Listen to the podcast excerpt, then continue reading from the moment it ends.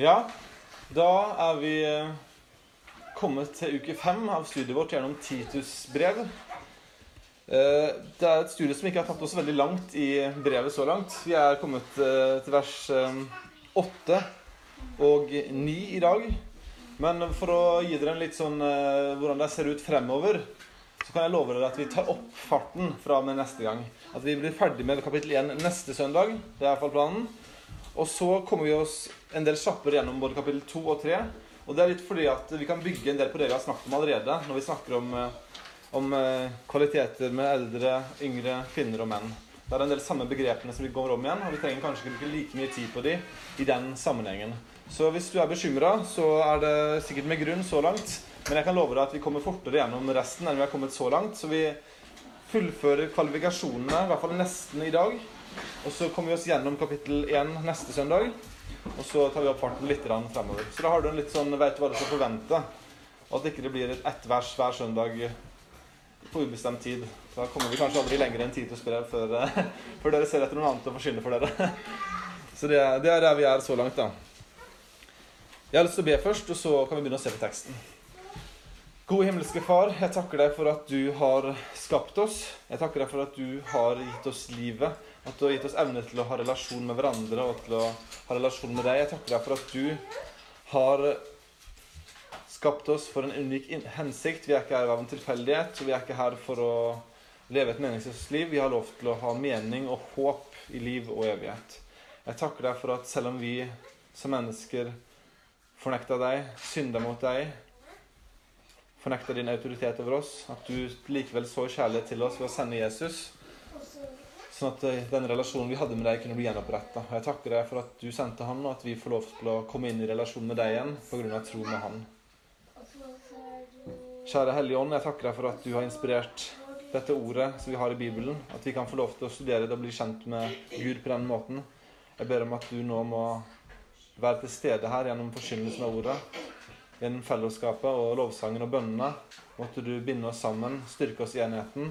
Gi oss klare tanker til å forstå ditt ord. Og gi oss klare måter å anvende det på livene våre på. Vi ber om at du må velsigne stunden for oss nå. Og vi ber om alt dette i Jesu navn. Amen. Vi er altså i Titus brev. Vi befinner oss på øya Kreta, selv om vi er her, i Sandefjord i dag. Eh, Vi er eh, i menigheten i Kreta, hvor Titus, som er eh, på en måte Paulus sin høyre hånd, prøver å sette og få stand på menighetene der. Og her konkret gjelder det å innsette eldste, kvalifiserte eldste i hver by, i hver menighet. Minst to kvalifiserte menn til å være åndelige ledere i forsamlingen. De fremste tjenerne som skulle være foregangsmenn, og som skulle bistå de andre i vandringen med Gud. At de kunne bli mer glad i Gud, vandre nærmere med Han og ha nærmere fellesskap med hverandre. Vi har altså kommet i en stillingsbeskrivelse som jeg snakket om de to siste gangene også. En beskrivelse som beskriver enkelte nøkkelkvaliteter eller egenskaper med de som skal være eldste eller ledere i en forsamling. Vi så forrige gang på hva en eldste ikke skal være, og i dag skal vi se på hva han skal være. Men eh, for dette studiet vårt så har vi også tatt horisonten litt bredere og sett på hva det vil si å være en ulastelig kristen. Og tanken er at alle kristne er kalt til å være ulastelige kristne. Ikke bare de som er eldste. Og Derfor er dette relevant for alle, kvinner og menn, yngre og eldre. Og at anvendelsen er veldig bri, brei, selv om da kravene, spesifikke kravene gjelder da, så for de som skal være eldste. Så er det noe alle vi skal etterstrebe å være. Så vi leser altså denne stillingsbeskrivelsen fra Titus kapittel 1, vers 5 til og med vers 9. Og der står det at Paulus skriver til Titus Jeg forlot deg på Kreta for at du skulle få orden på de ting som ennå mangler, og innsette eldste i hver by. Slik jeg påla deg. Så fremt han er ulastelig, en kvinnes mann, har trofaste barn som ikke blir anklaget for utskeielser eller oppsetsighet. For en tilsynsmann skal være ulastelig som en Guds forvalter. Ikke egenrådig, ikke hissig, ikke drikkfeldig, ikke voldsom, ikke grådig, men gjestfri. En som elsker det gode, er sindig, rettferdig, hellig, avholdende, og som holder fast på det troverdige ordet i samsvar med læren, for at han ved den sunne lære skal være i stand til å både formane og overbevise den som sier imot. Så i dag skal vi se på syv, eller vi kommer i hvert fall til seks av dem, seks kvaliteter en ulastelig mann eller kvinne for så vidt må ha. Og så kommer vi kanskje til det syvende i dag eller neste gang. Men det henger sammen med det som kommer etterpå. Men vi får i hvert fall seks kvaliteter ved en ulastelig mann eller en ulastelig kristen. Vi så altså forrige gang på hva en eldste ikke skulle være, og den avslutta med dette ordet. En eldste skal ikke være grådig, som hang sammen med pengeskjærlighet og, og ikke ville dele med det han hadde. Han skulle ta til seg så mye han kunne. Grådighet. Og det første vi ser i dag, er en kontrast, en direkte kontrast til det å være grådig. For her skriver Paulus i vers 8 han skal ikke være grådig, men gjestfri. Ordet gjestfri er et sammensatt ord på gresk av fileo, som betyr kjærlighet, og elske broderlig kjærlighet. Fileo og senos, som betyr fremmed eller ukjent. Så et sammensatt ord å elske med en broderlig kjærlighet, den fremmede eller ukjente. Det er nøkkelen av det som ligger i begrepet. Det omfatter med andre ord mer enn å åpne opp hjemmet sitt, som vi ofte assosierer med gjestfrihet, at en eh, ønsker folk hjem til seg. Det er mer enn bare det, selv om det også er en e- vesentlig del av gjestfrihet. Men det handler altså om å åpne seg opp og dele av sine ressurser for de som ikke bare er nære og kjente og venner og familie, men også de som er ukjente og fremmede. Uh, MacArthur definerer en gjestfri person som en person som gir praktisk bistand til den som måtte ha et behov, enten det er en venn eller en fremmed, troende eller vantro. Den gjestfrie personen deler sin tid, sine ressurser og sin oppmuntring med de som trenger det.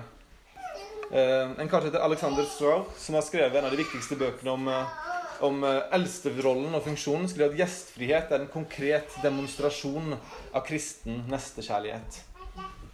Det er en særdeles viktig kristen dyd, avslutter han. Så det er altså nestekjærlighet i praksis, man kan si det sånn.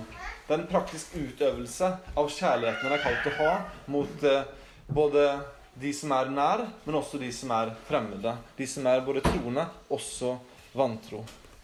Og I forbindelse med dette studiet så ble jeg minnet om når jeg tenkte på nestekjærlighet, et avsnitt i, i, Lukas 14 som vi kan slå på, og se hvordan Jesus eh, beskriver litt av denne nestekjærligheten. Han er innbudt her i Lukas 14 til, eh, til en høyt ansett fariseer.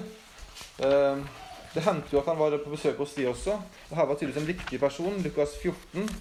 Ehm, og der er Det slik at eh, det er ikke bare Jesus som er innbytt der, men det er også en del andre velstående eller viktige personer i samfunnet. Og Jesus var tydeligvis på denne tiden ansett som en viktig person. Så han ble invitert hjem til denne fariseeren. Ehm, så snakker han direkte til denne fariseeren i Lukas 14, 12-14. tar vi lese sammen.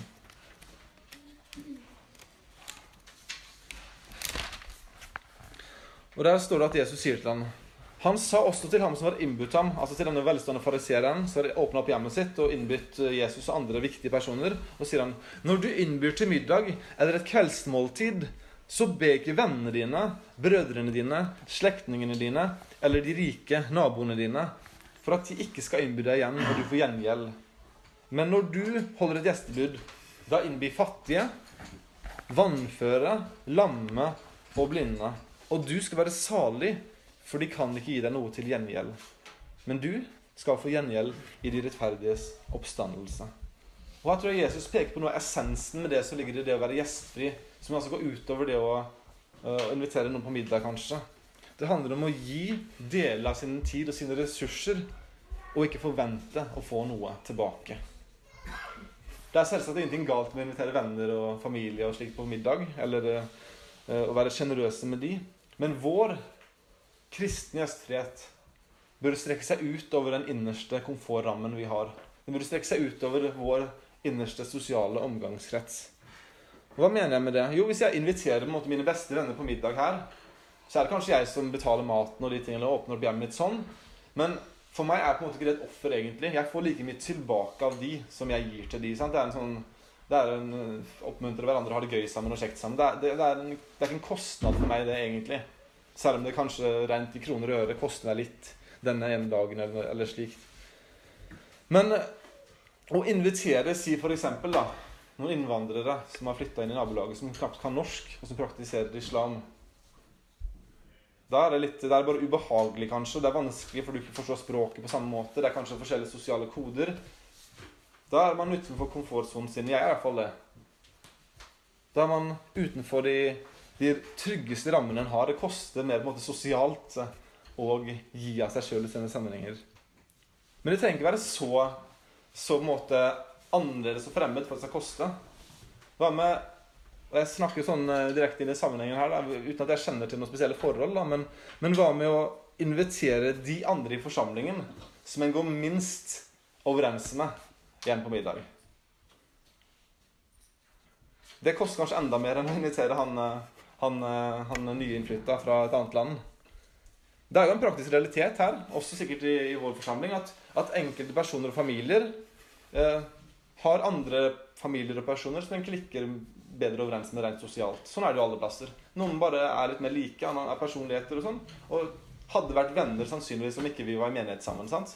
Det er, det er sikkert mange her jeg kunne vært venner med uten å, at vi var kristne engang. At vi, vi, hadde sikkert funnet tonen, kanskje. Og så hadde vi kunne vært venner selv om ikke vi hadde noe med denne menigheten å gjøre. Og så er det kanskje noen vi ikke hadde vært venner med, hadde det ikke vært for denne menigheten her. Eller for at dere er kristne. Og det er kanskje litt, uh, litt rart, eller du får kanskje ikke samtalen til å gli like godt med disse personene. da. Og det er kanskje litt, litt, mer, Du kjenner deg litt tyngre og holder samtalen gående. Det er ikke alltid så komfortabelt å være med de. Jeg tenker på, Er vi som forsamling gjestfrie i det at vi tør å, å bygge broer på tvers av disse våre Jeg vet ikke om det er noen, noen sånne store skiller her, eller sånne ting, da. Men, jeg, men, sånn er det jo alltid. Uansett er det mennesker, så er det noen som passer bedre sammen enn andre. Rent sånn hvordan vi er satt opp. Tør vi å gjøre gjestfrie også med de vi er minst komfortable med å være rundt? Jeg tror det er en oppfordring til oss som forsamling. At vi kan være en sånn forsamling som ikke tenker at de her er mine favoritter i menigheten. De skal vi bli kjent med og investere i. At vi være sånn som faktisk åpner oss opp for alle. Det er en gjestfrihet vi er kalt til å ha mot både verden, men ja, også kanskje enda viktigere innad i forsamlingen. Mot de en ikke naturlig kommer best overens med. En gjestfri person er altså en person som både åpner opp hjemmet sitt for den nye innvandreren i nabolaget, men også så åpner opp hjemmet sitt for de menigheten den går minst overens med. Og jeg, jeg, nevnte innledningsvis for noen uker siden at dette studiet kommer til å bli litt ukomfortabelt. Og jeg håper det her blir ukomfortabelt på dere, for dere veit hvem i menigheten dere syns er vanskeligst å snakke med, og ikke er vanskeligst å snakke med. Hvis vi skal ikke ha noe håndsopprekning og sånne ting, men det veit dere sjøl. Sånn er det bare. Og da oppfordringen her var gitt at ikke vi skal være slike som kun er gjestfrie mot de som gir like mye tilbake som en sjøl føler at en gir. Det står i 1. Peter 4, 8 og 9, hvor han skriver til kristne og framfor alle ting ha inderlig kjærlighet til hverandre. For kjærligheten dekker over en mengde med synder. Vær gjestfrie mot hverandre uten å klage. Der skriver Peter til kristne seg imellom så de måtte få en formaning om å være gjestfrie mot hverandre uten å klage. Det var tydeligvis noen som klagde over at de måtte inkludere alle på samme måten. Romerne 12-13 står det Del ut ettersom de hellige trenger. Legg vind på gjestfrihet. Så er det et tema som vi finner igjen i flere brev. Så har vi et, et kjent eh, vers, et mye myteomspunnet vers i Hebreerne 13, 2 og 3, hvor det står Glem ikke gjestfriheten, for ved den har noen hatt engler på besøk uten å vite det. Bare for, uh, for å ta en sidespor på akkurat den, så, så, er jeg av den oppfatning at jeg henviser til Abrahams besøk av, av de tre mennene før Sodoma og Gomorra skulle ødelegges. At jeg tror ikke det er noe jeg tror ikke vi i det daglige får engler på besøk, sånn sett, men et eksempel på at Abraham var gjestfri til disse fremmede mennene som viste seg i etterkant at det var engler. da. Det er sånn jeg, jeg, tror det her uh, henger sammen, da, men det er forskjellige tolkninger om akkurat det. Men jeg tenker på den tidlige kirka. Hvis du slår opp i apostelgjerningene 2, 44 og 45 Når vi leser det her, så er det kanskje en tenker her er, sånn, her er det sosialisme på, på, et høyt nivå her. Men det her er sikkert bud eller pålagt kristne, men det var bare sånn de gjorde det. Det står i apostelgjerningene 2, 44 og 45. Alle som trodde, var sammen og hadde alle ting felles. De solgte av eiendelene sine og det de hadde, og delte dem ut til alle, ettersom enhver hadde behov. Og så står det videre at de holdt seg med ett og samme sinn i tempelet og brøt brød i hjemmene. Her er det en ekstremt praktisk anvendelse av dette prinsippet i den tidlige kirke, hvor det var sikkert store sosiale forskjeller. Og det er som sagt ikke et krav om at vi skal gjøre det sånn, at vi skal på en måte bare selge alt vi eier av en felles pott og så ta ut penger eh, av den. Det tror jeg ikke Det kunne gått galt på mange måter. Men prinsippet her er iallfall at hvis det er folk med behov i forsamlingen spesielt, så er det faktisk vi andre sitt, eh, sin oppgave og ansvar å være med og prøve å dekke behovene og hjelpe hverandre der noen sliter og noen har det mer romslig. Så det går, tror jeg, både på, på fysiske ting, altså kan være å hjelpe hverandre både økonomisk, men også med mat og drikke, men også varme og fellesskap. Og de tingene som kanskje er ekstra viktig i vår tid. Bare siden vi har flytta hit jeg kan si det da, siden vi har hit Vest, til Vestfold fra Bergen, så har vi vært så velsigna av deres gjestfrihet og sjenerøsitet. Det er ikke alle vi har vært hjemme på middag, og sånn, men vi merker at dere er åpne for oss, snakker med oss, dere har gitt oss en varm velkomst. Og jeg vil si at jeg er så takknemlig for gjestfriheten i forsamlingen her. Så jeg tror ikke når vi tenker på gjestfrihet, at vi skal tenke at dette er en sånn eh, sterk korrigering av hvordan vi gjør det så langt. Jeg tror egentlig vi som forsamling på mange måter er eksemplariske i det. Men jeg tror fremdeles vi kan vokse i det enda mer. Så det vil jeg iallfall si at, eh, at jeg syns det har vært veldig godt å komme inn her. Jeg har opplevd gjestfrihet, men måtte vi fortsette med det òg. Måtte det aldri være slik at det kommer noen inn til oss i Bibelkirken Vestfold er på et møte, forlater lokalet etter møtet uten at noen har spurt hvem de er, hvordan det går, eh, vist interesse, inkludert de, kanskje fulgt opp hvis behov, vist gjestfrihet, omsorg og kjærlighet. Menigheten burde være et gjestfritt sted, gjennomsyra av omsorg og kjærlighet. Fordi hør her vi som mennesker var fremmede og ukjente på en måte for Gud i himmelen når vi falt i synd. Da var vi sånne som ikke passet inn i de himmelske saler. Englene de vet hvordan de skal oppføre seg rundt Gud. De, de, de, de opptrer på riktig måte framfor han. Mens vi, syndige mennesker, vi har ikke forstått alle kodene helt. Og vi kommer nok ikke til å forstå det helt før vi er i himmelen heller. Det er på en litt annen måte. Vi var fremmede, ukjente. Avviste han. Men han demonstrerte gjestfrihet. i hvert fall ut, utleder gjestfrihet i sin nåde ved at han sendte Jesus for at vi skulle komme inn og hjem til han. Eksempelet er at hvordan Gud har oppført seg mot oss. Gud inviterte oss til bryllupsfest, selv om ikke vi kunne de guddommelige kodene slik vi burde, kanskje. Måtte vi være like rause mot de rundt oss. Så for å konkludere, da, kan jeg spørre, da Og her er, noe, her, er det mange forhold som taler for at uh, folk får svare forskjellig på spørsmålene. Men, men jeg har lyst til å spørre dere, da, så da kan dere ha noe å tenke på, henge, noen knagger å henge, henge der på. Spørre hvor mange, hvor mange, mennesker fra menigheten har du eller dere hatt, hatt, hjemme hos deg på et måltid mat? Eller delt et måltid mat med kanskje på en kafé da, eller en park?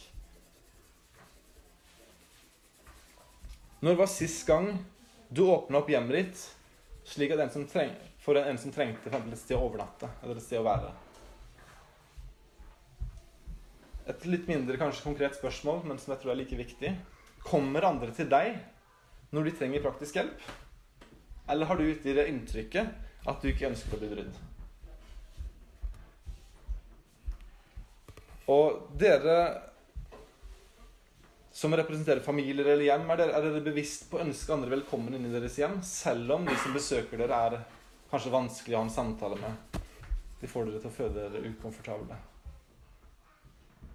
Igjen, Jeg er fullt klar over at vi alle har helt forskjellige situasjoner her. Det er ikke sånn one size fits all her. Eh, meg og Henriette har vært i tider i livet hvor jeg jobber veldig mye.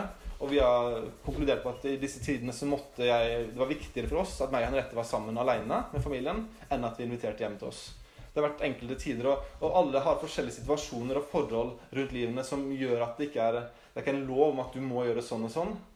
Så, så det, det, det, tror jeg er veldig viktig å ha i hodet. da, At en må se totalt på det der. Men jeg tror også slik at en ofte ikke er gjestfri fordi en ikke ønsker å gå ut av komfortsonen sin. Eller kanskje en er flau hvordan det ser ut hjemme. Ikke er flink til å lage mat, kanskje. Eller en annen som kan røre ved stoltheten. Så, så oppfordringen er gitt på deres måter og der dere er i deres situasjoner. Så ydmyk dere sjøl og bli gjestfrie. Så får du anvende det rent konkret hvordan det ser ut i ditt liv. på den måten som, som du ser du kan gjøre det på. Og det vil altså være forskjellig for alle. Men det er en nøkkelting som gjør at vi som forsamling kommer til å bli mye sterkere i enheten vi har. Og det kommer til å være mye enklere å komme inn hvis hun ikke kjenner noen. Den blir invitert hjem. Og det må jeg si om den forsamlingen vi kom fra i Bergen, i Godt håp, at uh, om det er én ting jeg kan rose de på Det er mange ting jeg kan rose de på. Men så var det at vi aldri forlot søndagsmøtet uten at noen inviterte oss hjem eller spurte om vi skulle komme innom en tur. Og jeg syns det var helt overveldende. Og det syns jeg er veldig fint. Og det håper det kan være litt sånn her òg. Så det var det første. Og jeg brukte litt lengre tid på gjestfrihet enn jeg kommer til å gjøre på de andre punktene. Men jeg tenker det er en veldig praktisk og viktig ting som kan være med å forme hvordan vi som forsamling bevarer enhet og åpner opp for de som kommer utenfra. Så møter vi det neste ordet. En som elsker det gode. Så en, en, en ulastelig kristen skal være en gjestfri mann og skal elske det gode. Og Det er samme konstruksjon på gresk. Det er et sammensatt ord. Fileo, å elske med broder kjærlighet. Og så er det agatos, som altså betyr godt. Å elske det gode. Vi skal elske de ukjente og de fremmede, og vi skal elske det gode. En som elsker det gode, er en som har Det er litt mindre konkret, kanskje, men en som har affeksjoner for, kjemper for det som er iboende godt, i tråd med Guds godhet, og som gjenspeiler hans godhet på jorden. Det er en liste i Filippebrevet kapittel 4, vers 8, som gir oss litt, sånn, litt flere knagger å henge det på.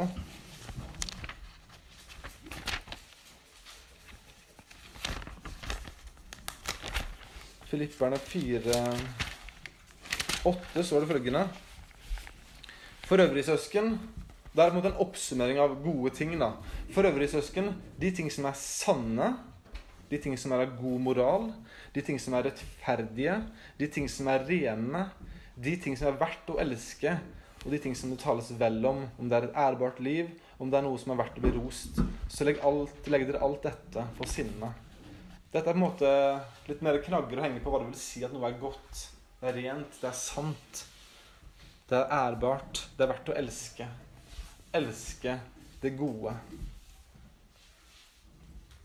Det ser jo sikkert forskjellig ut på, andre, på alle måter, men jeg tenker på kong, kong, David, som hadde sine svin på skogen eh, gjennom livet. Men han, han, var altså karakterisert av en godhet.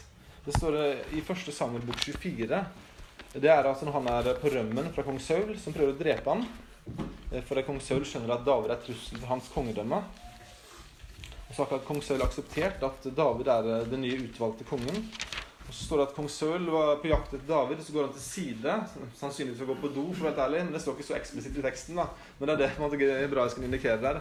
Han måtte på do i en hule, så gikk han på do i en hule for seg sjøl. Og så er det den hula som David gjemmer seg i. Og nå har David sjansen til å ende livet til kong Saul og innta tronen. Så nå kan han eh, ha en gyllen mulighet til å, til, å, til å, gjøre ende på Saul. Men så lar han han gå. Og Så roper han etter Saul og sier 'Hvorfor forfølger du meg, Saul?' Kort fortalt. Og så svarer Saul i vers 17 av i første Samuel-bok, kapittel 24, vers 17. Og der sier Da David var ferdig med å tale disse ordene til Saul, skjedde det at Saul sa er det din røst, min sønn David?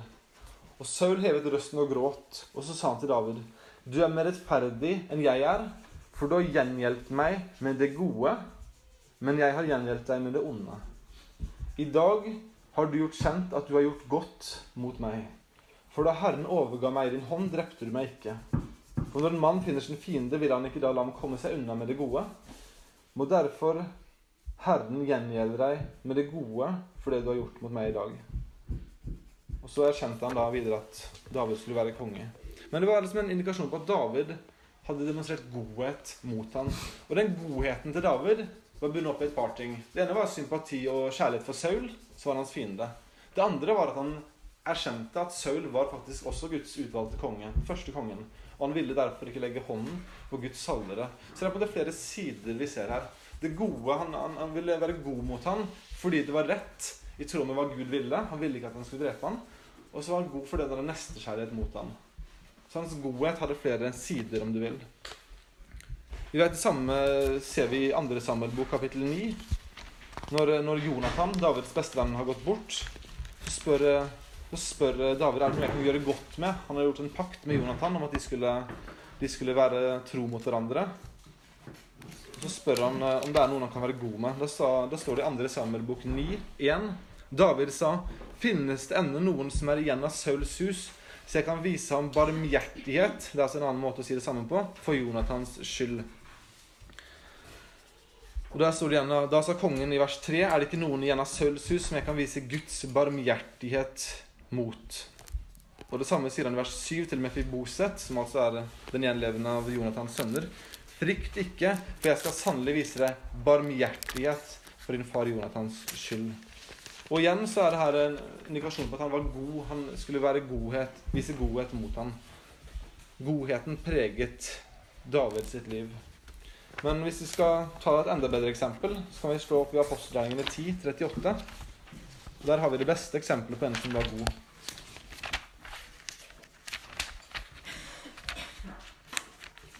Da sier Peter i en tale til Kornelius noe om Jesus. Apostelgjerningene 10.38 så sier Peter om Jesus han er alles herre, står det i verset før. Og så står det hvordan Gud salvet Jesus fra Nasaret med Den hellige ånd og med kraft. Han som gikk omkring og gjorde godt og helbredet alle som var undertrykt av djevelen, for Gud var med ham. Han gikk omkring og gjorde godt. Han oppsummerer livet til Jesus. Han gikk omkring og gjorde godt. Så det å gjøre godt er på en måte vel, kan se ut på mange forskjellige måter. Alt Jesus gjorde, var på en måte godt. Det var i samsvar med Guds godhet, med Guds nådige natur. Ordet som blir oversatt 'elsker av det gode', blir forklart i ordboken eh, at det ble brukt i den gresk-romerske verden for å beskrive en mann som var spesielt ansvarlig og respektert. En respektert statsborger. Han var kjent for at han var god, han gjorde gode ting. Han var spesielt ansvarlig og spesielt respektert. Han handlet ansvarlig og respektabelt. Og en ulastelig kristen da, må være kjent for positiv entusiasme for gode tiltak, gode handlinger, for en god spesielt om det gode og øvrige ting som er iboende gode. La oss spørre deg som er her Hvis du skulle sette opp en liste over hva du elsker, hva hadde kommet inn på topp fem-lista di? Vi kunne jo hatt en håndsopprekning. Jeg skal ikke gjøre det. Men hvis du har topp fem ting Her er det Erlend elsker. Hvis de som kjenner deg, skulle satt opp en liste, hva elsker han? Det, hva ville det vært på den lista? Ville det vært ting som en kan falle i kategorien gode ting? Eller kanskje nøytrale ting? Eller ville det vært noen også klart syndige ting? Det er ikke så lett kanskje å svare på sånn på strak arm, men, men Jesus sin attest etter livet han levde på jorda, var at han gikk rundt og gjorde godt. Hva tror du de kommer til å si kanskje en dag du går bort i, begravelsen din, eller som står på gravstøtta di? Kommer de til å si han elsket det gode? Eller står det han elsket både godt og ondt?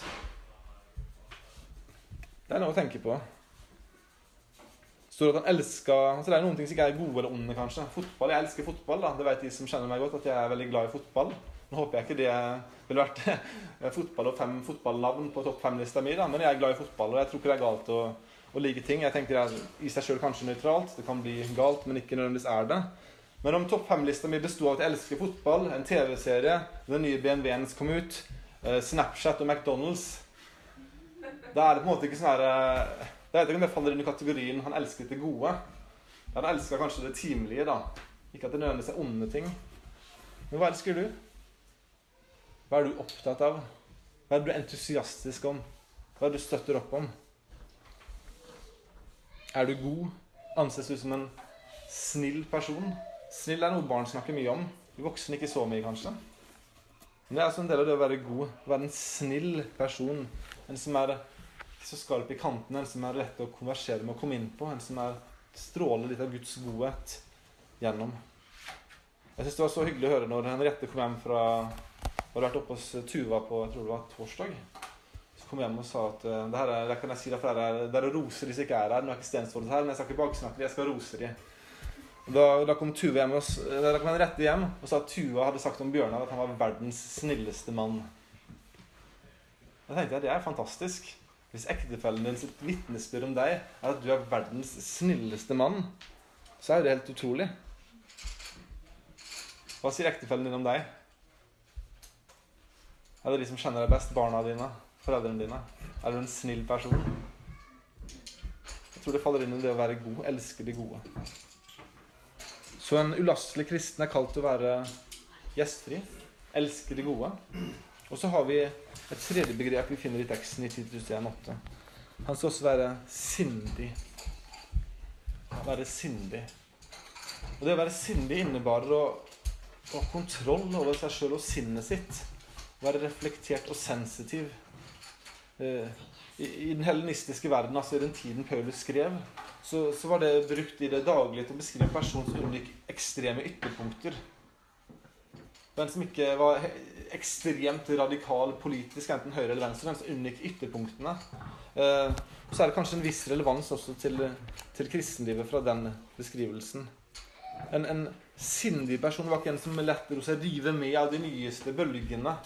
Av det nyeste som, den nyeste boka han hadde lest, eller den nyeste talen talene. Ikke, han forsvant ikke fra ene retningen til andre retningen fra hver søndag som kom.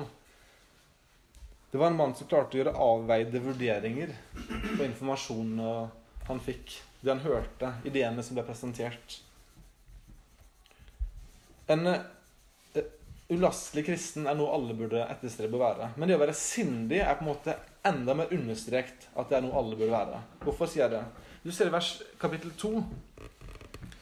Hvor står det til de eldre mennene, kapittel 2.2 i Titus brev. De eldre mennene skal være edruelige, verdige, og så kommer det ordet sindige. Og så står det om de yngre mødrene i vers 4. De skal oppmuntre Nei, de, ja, beklager. De eldre kvinnene skal oppmuntre de unge kvinnene til å elske sine ektemenn, elske sine barn og til å være sindige. Så de unge, unge mødrene er kalt til å være sindige. Og så står det om de yngre menn. da. Vers 6. På samme måte skal du formane de unge mennene til å være sindige. Så det er liksom noe som går igjen. at de, Paulus gjentar her ikke bare for de eldste, men her gjentar han for, for kvinner og menn. Det står i vers 12 òg. Det er et annet ord som blir brukt i oversettelsen, men det er samme på gresk. For Guds frelsende nåde til alle mennesker er åpenbart. Og denne nåden oppdrar oss for at vi skal fornekte ugudelighet og verdslige lyster og leve edruelig. Ordet edruelig er det samme som sindig på gresk. Så det er noe som gjelder absolutt alle og blir undersøkt flere og flere ganger. Så det å være sindig er noe vi må fatte og få litt uh, forgrep rundt hva gjelder. Hva betyr det å være sindig? For det er noe som går igjen om og om igjen i Titus brev.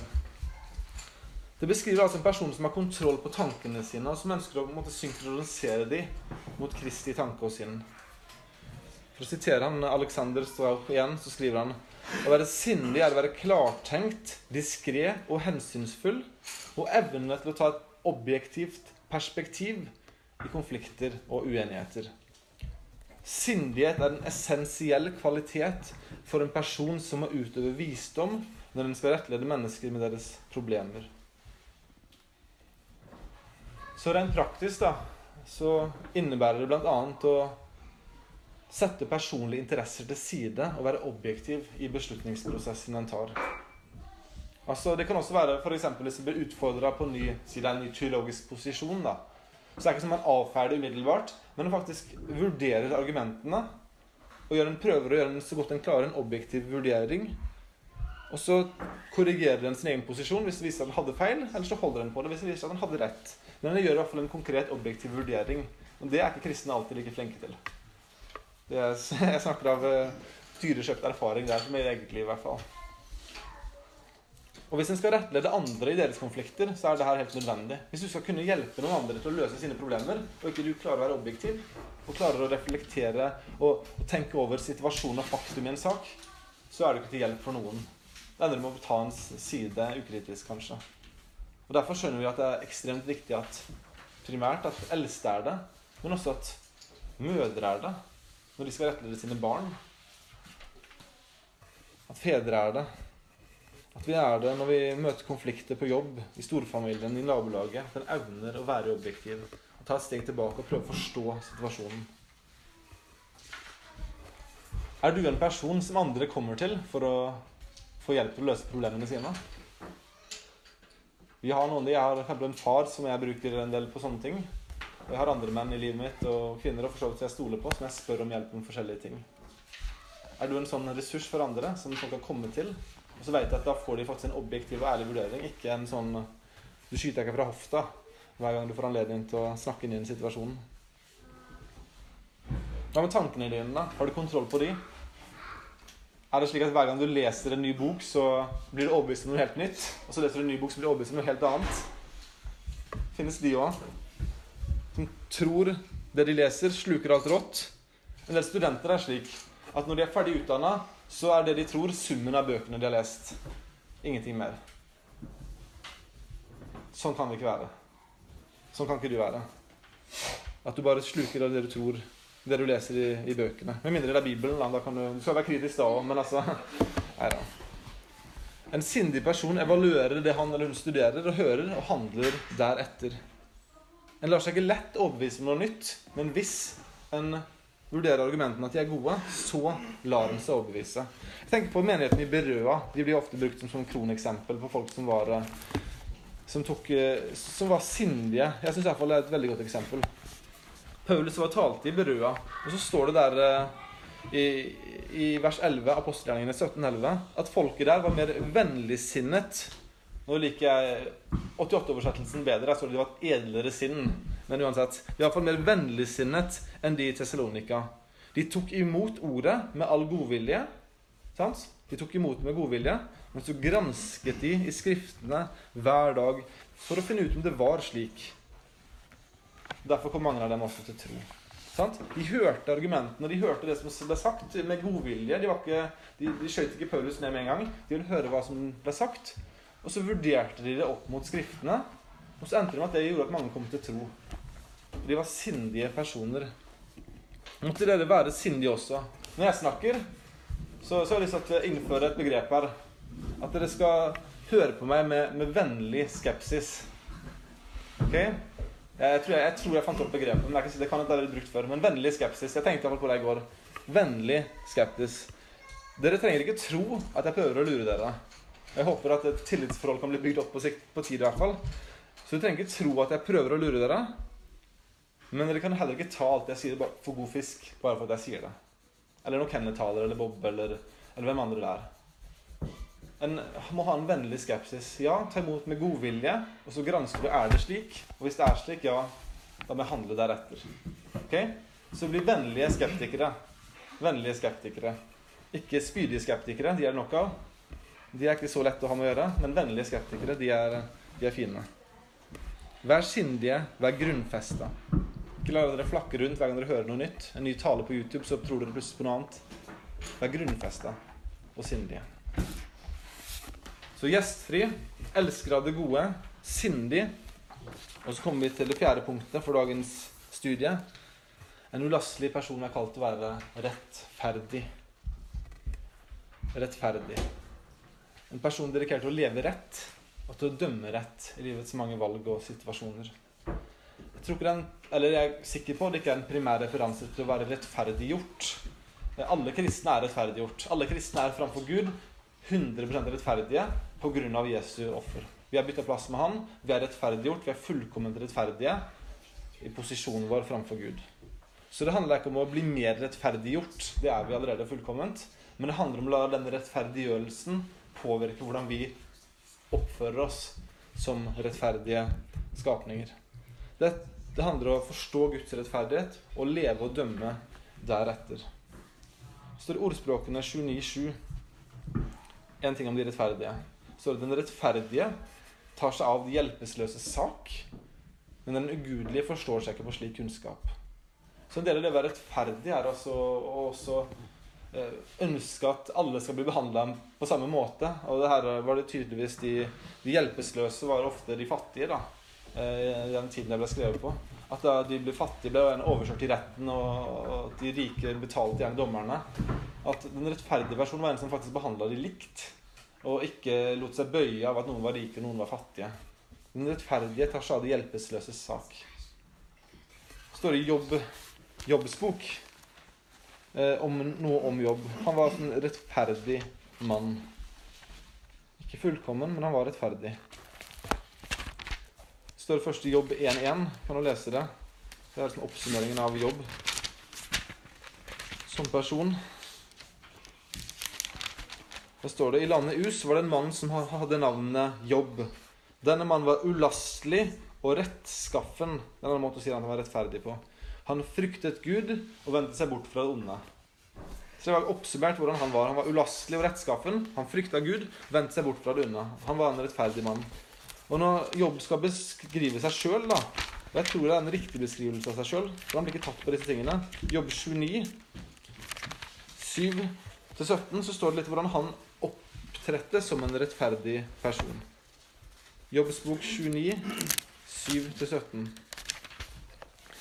Der sier det jobb om seg sjøl. Det er jo en del av hans forsvarstale som en kan si mye om. Men i hvert fall så står det følgende Når jeg gikk ut til byporten og tok mitt sete på torget, gikk de unge mennene og gjemte seg når de så meg, og de eldste reiste seg og ble stående. Fyrstene avholdt seg fra å tale, og de la håndene for munnen. Stormennenes stemme stilnet, deres tunge hang fast i ganen. Det øret som hørte, velsignet meg, og det øyet som så, ga meg godt vitnesbyrd.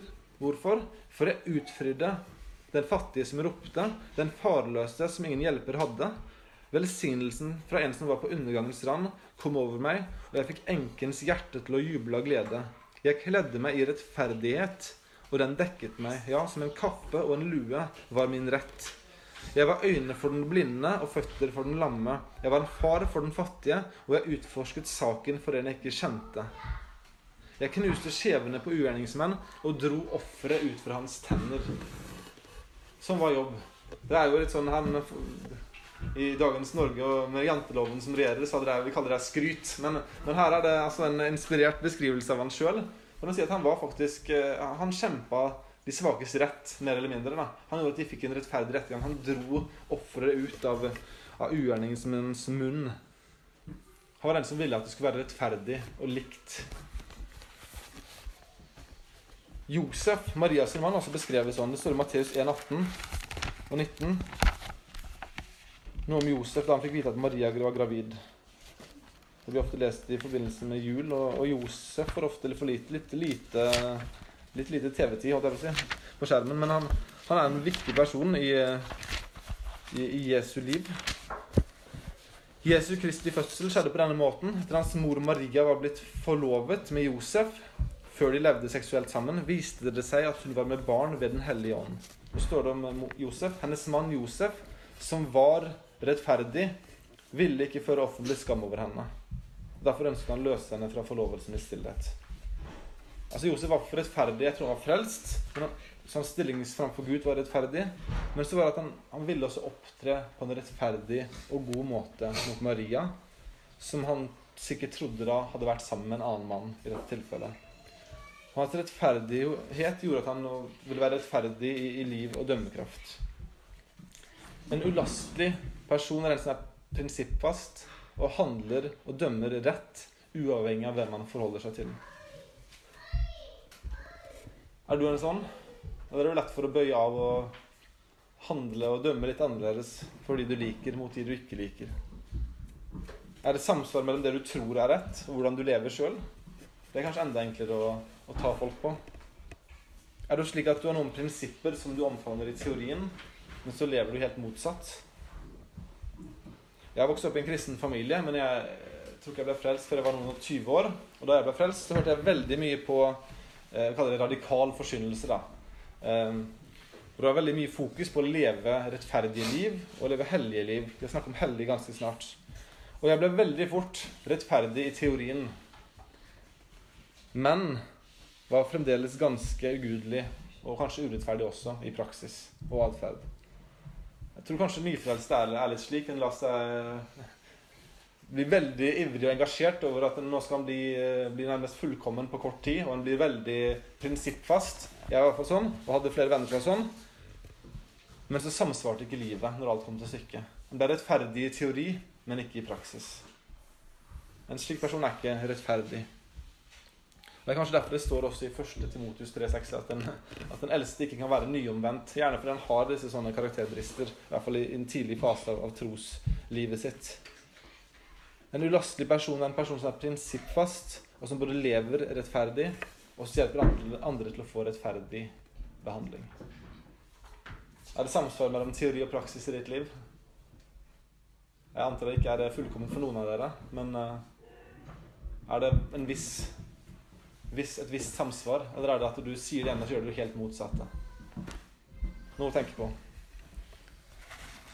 Ulastelig person er kalt å være gjestfri, elsker av det gode, sindig, rettferdig. Og så kommer vi til det femte punktet. Jeg tror vi skal gi oss på det sjette, men vi skal ta femte og sjette nå. Det første er at han skal være Og det femte er at han skal være hellig. Hellig eller gudfryktig, som jeg kan oversette det. På samme måte som at alle kristne er erklært rettferdige av Gud, så er også alle kristne gjort hellige idet vi ble omvendt og, og ble gjenfødt. Vi er hellige framfor Gud. Han har tatt oss og skilt oss ut til sin hensikt. Det å være hellig er Jeg har sagt det i hvert fall en gang før i, i Bibelkirken. Det å være hellig er er å være satt til side for en edlere hensikt. Jeg bruker ofte eksempel med serviset mitt, og her kan jeg gjøre det her, for det står i skapet der.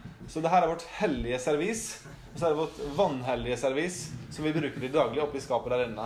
Og det her tar vi sjelden fram, egentlig, selv om det koster dessverre mye mer enn det som står oppi skapet. Det som er oppi skapet, bruker vi hele tida. Om vi knuser en kopp, så gjør det ingenting.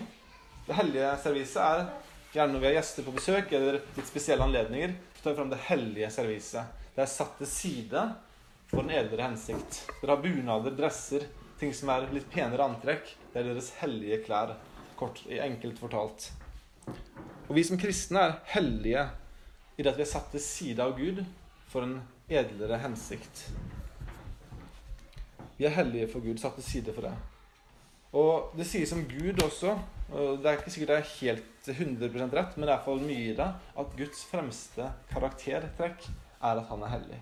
Det står i Jesaja 6, uh, hvor sjeruben og englene roper ut 'hellig, hellig, hellig' tre ganger. Og på hebraisk, så er det, når noe blir gjentatt tre ganger, så er det på den sterkeste måten en kan understreke noe på. Da er det virkelig og absolutt den definerende kvaliteten av noe. Gud er hellig, og hans folk, når han frelser dem, blir helliggjort. Nå vet vi at ikke det viser seg i praksis alltid, like i stor grad. Men vi er alle på en helliggjørelsesprosess. Idet vi blir kristen, så blir vi tatt fra et sånt flatt stadie og så satt opp på et uh, høyere nivå, om du vil. da. Og så gjennom livet så vokser den litt opp, uh, og så litt ned, men gradvis oppover. Litt som bølgete, kanskje. Og så idet vi dør og, blir, og, ser Gud som han er, så blir vi tatt opp på en sånn fullkomment hellig stadie. Det er noe vi aldri før vi er, er, i himmelen og ser ham som han er. Vi vokser gradvis i hellighet i livene våre. og som sagt så er det ofte to steg fram og ett tilbake. så det er ikke det at det går lineært hele veien, men det er i hvert fall over lengre sikt, slik at vi kristne blir gjort mer og mer hellige. Og en eh, hellig kristen, en ulastelig hellig her, er en som både selvfølgelig er frelst og gjort hellig sånn i stand, men også en som lar det eh, få konsekvenser for livet. Som blir hellig for Gud. Og det er et litt sånn vanskelig Det som er vanskelig med det å, å, å være hellig, eller å formane om hellighet, er at det går ikke an å fake det. Du kan ikke bare bestemme deg en morgen at i dag skal jeg bli hellig. Det var det jeg bestemte meg for da jeg ble kristen. Da skal jeg bli hellig over natta. Og igjen, det hang sammen med at jeg skulle bli herlig og rettferdig. Hørte mye på slik forkynnelse. Og så ble det igjen at den falt, eh, falt, desto mer når den ikke klarte å leve opp til, til den standarden en trodde den måtte leve opp til. Men vi kan vokse, og vi skal vokse i hellighet. Men det er ikke en quick fix. Det er ikke en pille vi tar, så er vi hellige. Det er noe som skjer når vi lever og vandrer nært med Gud. Det er noe som er naturlig, som vokser opp i oss, og som, er, eh, som selvfølgelig henger sammen med valg en tar, men som ikke er ett eller to valg en tar. Det handler om en livsstil, og det handler om en vandring som er nær med Gud. Når du vandrer nær med Gud, så blir du og din personlighet mer hellig. Og du vil gjerne ikke oppdage det sjøl. Det er de rundt deg som oppdager det etter hvert. At her har det skjedd noe med, med vedkommende. Her har det skjedd noe med han eller mo. Det er noe som er annerledes. Jeg kan ikke til og med sette nødvendigvis nok til fingeren på hva det er for noe. Men det er noe rundt denne personen som vitner om at det er, det er, en forskjell på de og oss. De tilhører noen som ikke jeg tilhører. De tilber en gud som ikke jeg tilber. Og det er noen forskjell på grunn av det. Tenker på, Det klareste eksempelet er kanskje kanskje Moses. Så da han var oppe på fjellet med Gud Og det er jo på en måte Noe jeg tror ikke noen av oss kommer til å oppleve i vår, i vår livstid. da. At de får, eh, får, et så direkte møte med Gud som Moses gjorde. Eh, men det står i andre Mosebok, kapittel 34, at Gud hadde vært, Moses hadde vært på fjellet og møtt Gud. Han så ikke ansiktet hans, men han fikk, fikk skue Guds nærvær og Gud som gikk forbi. Eh, og så står det når man kommer ned fra fjellet, andre Mosebok 34, eh, vers 29 og utover kan vi lese. Det står om Moses. Moses gikk ned fra Sinai-fjellet, og Moses hadde vitnesbyrdet beklager, vitnesbyrdets to tavler i hånden da han kom ned fra fjellet. Men Moses visste ikke det er interessant. Han hadde vært på Gud, og han visste ikke at det skjedde med ham. Han visste ikke at huden i ansiktet hans strålte mens han talte med ham. Og da Aron og alle Israels barn fikk se Moses, se, da strålte huden i ansiktet hans, og de fryktet for å nærme seg ham. Vi kan egentlig bare stoppe der, men, men poenget er at, at, han måtte ta på seg et forkle foran fjeset for at ikke det skulle måtte være fortærende for dem. At de måtte liksom, så viste at den avglansen etter hvert forsvant litt. Men, men Moses, etter å ha møtt Gud på fjellet, så kunne alle se det. Han, han skjønte det ikke sjøl, men alle andre så det. Han her har vært med Gud. Han er en hellig person. Han, vi, måte, han tør vi ikke nærme oss engang. Og som sagt så tror jeg ikke det her, den konkrete opplevelsen er noe vi, eh, vi kommer til å oppleve på samme måten. Men jeg tror prinsippene er den samme. Når vi er sammen med Gud, når vi, når vi ber til ham, når vi leser Hans ord, når vi er sammen med Hans folk, når vi gjør det over tid og ønsker å vandre rett for Herren, vi lever nært med Han, så vil du bli forandra. Du vil bli helligere i din atferd. Du er allerede hellig i Guds øyne, fullkomment hellig, men du blir helligere i din atferd og din utstråling. Og det tingene som er på en måte den praktiske anvendelsen, det er ikke at du skal gjøre ditt eller datt, annet enn det at du må være sikker på at du vandrer med Gud i de tingene han har lagt ned for at du kan vandre med han. Du bruker tid i orda. Du, du, du ber til han at du har fellesskap med de andre hellige, altså menigheten. Vi er hellige som forsamling. Og hadde Paulus skrevet et brev til oss, hadde han skrevet Paulus, Jesu Kristi apostel og Guds tjener, til de hellige i Vestfold. Vi er de hellige, selv om ikke vi alltid ser ut som de hellige. Og vi kan vokse i hellighet ved at vi vandrer og holder oss nær til Gud. Så igjen, det er ikke en quick fix, men det handler om retning på livet. Det handler om ja, også noen konkrete ting en tar. Bruke tid i ord, bønn, fellesskap med de andre hellige osv. Gjestfri, elsker av det gode, sindig, rettferdig, heldig. Og så kommer vi til det siste, og vi tar og avslutter etter vi har tatt det siste her òg. Vi går ikke på det siste punktet med å være i stand til å forsyne ordet. Eh, det tar vi neste gang. Men det siste og sjette vi skal se på i dag, er at en ulastelig kristen er en avholdende person. Og når vi bruker ordet 'avholdende' i Norge, så tenker eh, vi Hva tenker vi på da? Al hva sa du? Alkohol. Presis. Vi tenker på alkohol, for det er sånn avholdsbevegelsen er jo en, måte, en bevegelse som handler om at folk eh, alltid avstår fra alkohol, for en ser de samfunnsmessige eh, ødeleggelsene de har gjort. Så det er på en måte, Vi assosierer avholden med alkoholen. Men her er det faktisk ikke alkohol som er tanken, selv om det inngår i òg. Paulus har allerede adressert forholdet til alkohol i vers, vers 7, når han skriver at den eldste ikke kan være drikkfeldig. Der tar han opp forholdet til alkohol. Avholden i sammenhengen her er et mye bredere prinsipp som ja, også innfatter alkohol, men som er mye videre, og som beskriver egentlig forholdet til ens kjødelige lyster.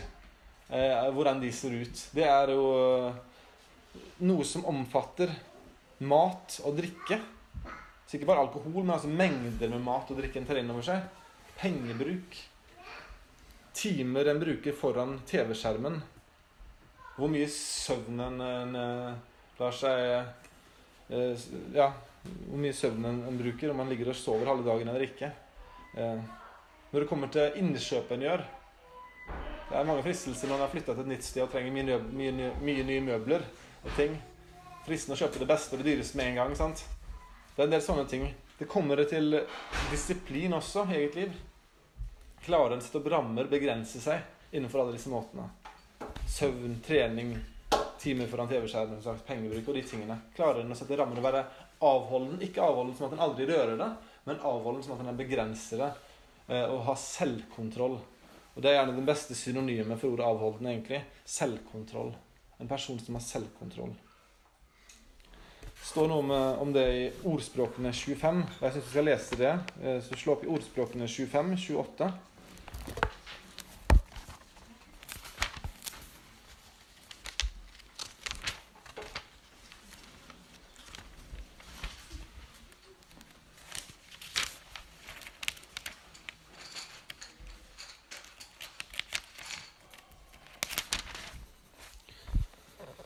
Der står det Den som ikke kan styre sitt eget sinn Her er det snakk om uh, også kjødet og de fysiske tingene.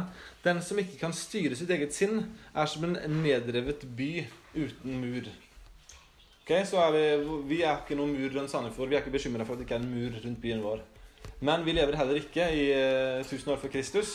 Og vi er ikke redd for at fiender skal komme og plyndre oss og drepe oss sånn til enhver tid. Bymuren var på en måte tryggheten en by hadde, fordi det beskytta mot angrep. sant? Og vi som kristne, hvis ikke vi har selvkontroll, hvis ikke vi klarer å være avholdende, hva er vi da? Vi er åpne for angrep fra alle sider, egentlig. Da er det ting som kan tas. Det er eh, de kjødelige lystene som kan få overhånd. Det er at en spiser seg for ræva, at en drikker for mye, at en blir en latsabb og bare ligger og sover. Det var, var jeg en del år da jeg var student. Da var jeg, var jeg en latsabb og lå og sov mye mer enn jeg burde. Det kan være, ja, som sagt, TV-bruk. Timer foran skjermen. altså det, det kan se ut veldig forskjellige måter. Men en mann som ikke har selvkontroll og ikke klarer å begrense seg, er vi åpne for angrep fra onde. Så det her er veldig praktisk. Er du en selvdisiplinert person? Er du noen som klarer å sette grenser, for du skjønner at jeg kan ta litt, men ikke mer, og så setter du opp en strek rundt deg? Så du veit hva du kan ta inn over deg når du bør stoppe? Har du hjelp fra de rundt deg der du ikke klarer å sette grenser sjøl? Vi trenger hjelp av og til. Når jeg er fanga i en avhengighet, f.eks., så er det ofte, veldig ofte, ikke nok å bare ta, bestemme seg for at nå skal jeg gjøre noe med det. Da er det veldig ofte at en faktisk må ha hjelp av andre i menigheten eller, eller andre en har tillit til. Ofte må en ha hjelp for å være avholden så veit du i ditt liv hva som er dine, dine kamper. Hva du sliter med, du, hvilke lyster du har vanskeligheter for å begrense. Og så kan du da søke noen du kjenner og har tillit til, og be om hjelp til å leve avholdent. Det å være, ha selvkontroll er en av åndens frukter. I Galaterne 5.23 så bruker de ordet selvtukt. Vet, det er samme ordet, da, men oversatt på en forskjellig måte. Selvtukt det handler faktisk om å fysisk måte nærmest straffe seg sjøl eller gjøre det vanskelig for seg sjøl og bryte de grensene en setter ned. Og det ser da ut på forskjellige måter. Jeg har uh, fått hjelp av Kenneth til å bære inn tredemølla. For jeg trenger begrensning i det at jeg ikke må sitte for mye i ro, som jeg er frista til å gjøre jobben min. Og når jeg kommer hjem og studerer, så er jeg frista til å sitte mye i ro. Så jeg må begrense meg i det at jeg må komme meg i aktivitet. Så det er bare en konkret måte jeg har, har, uh, har kjempa mot akkurat den tingen på. sant?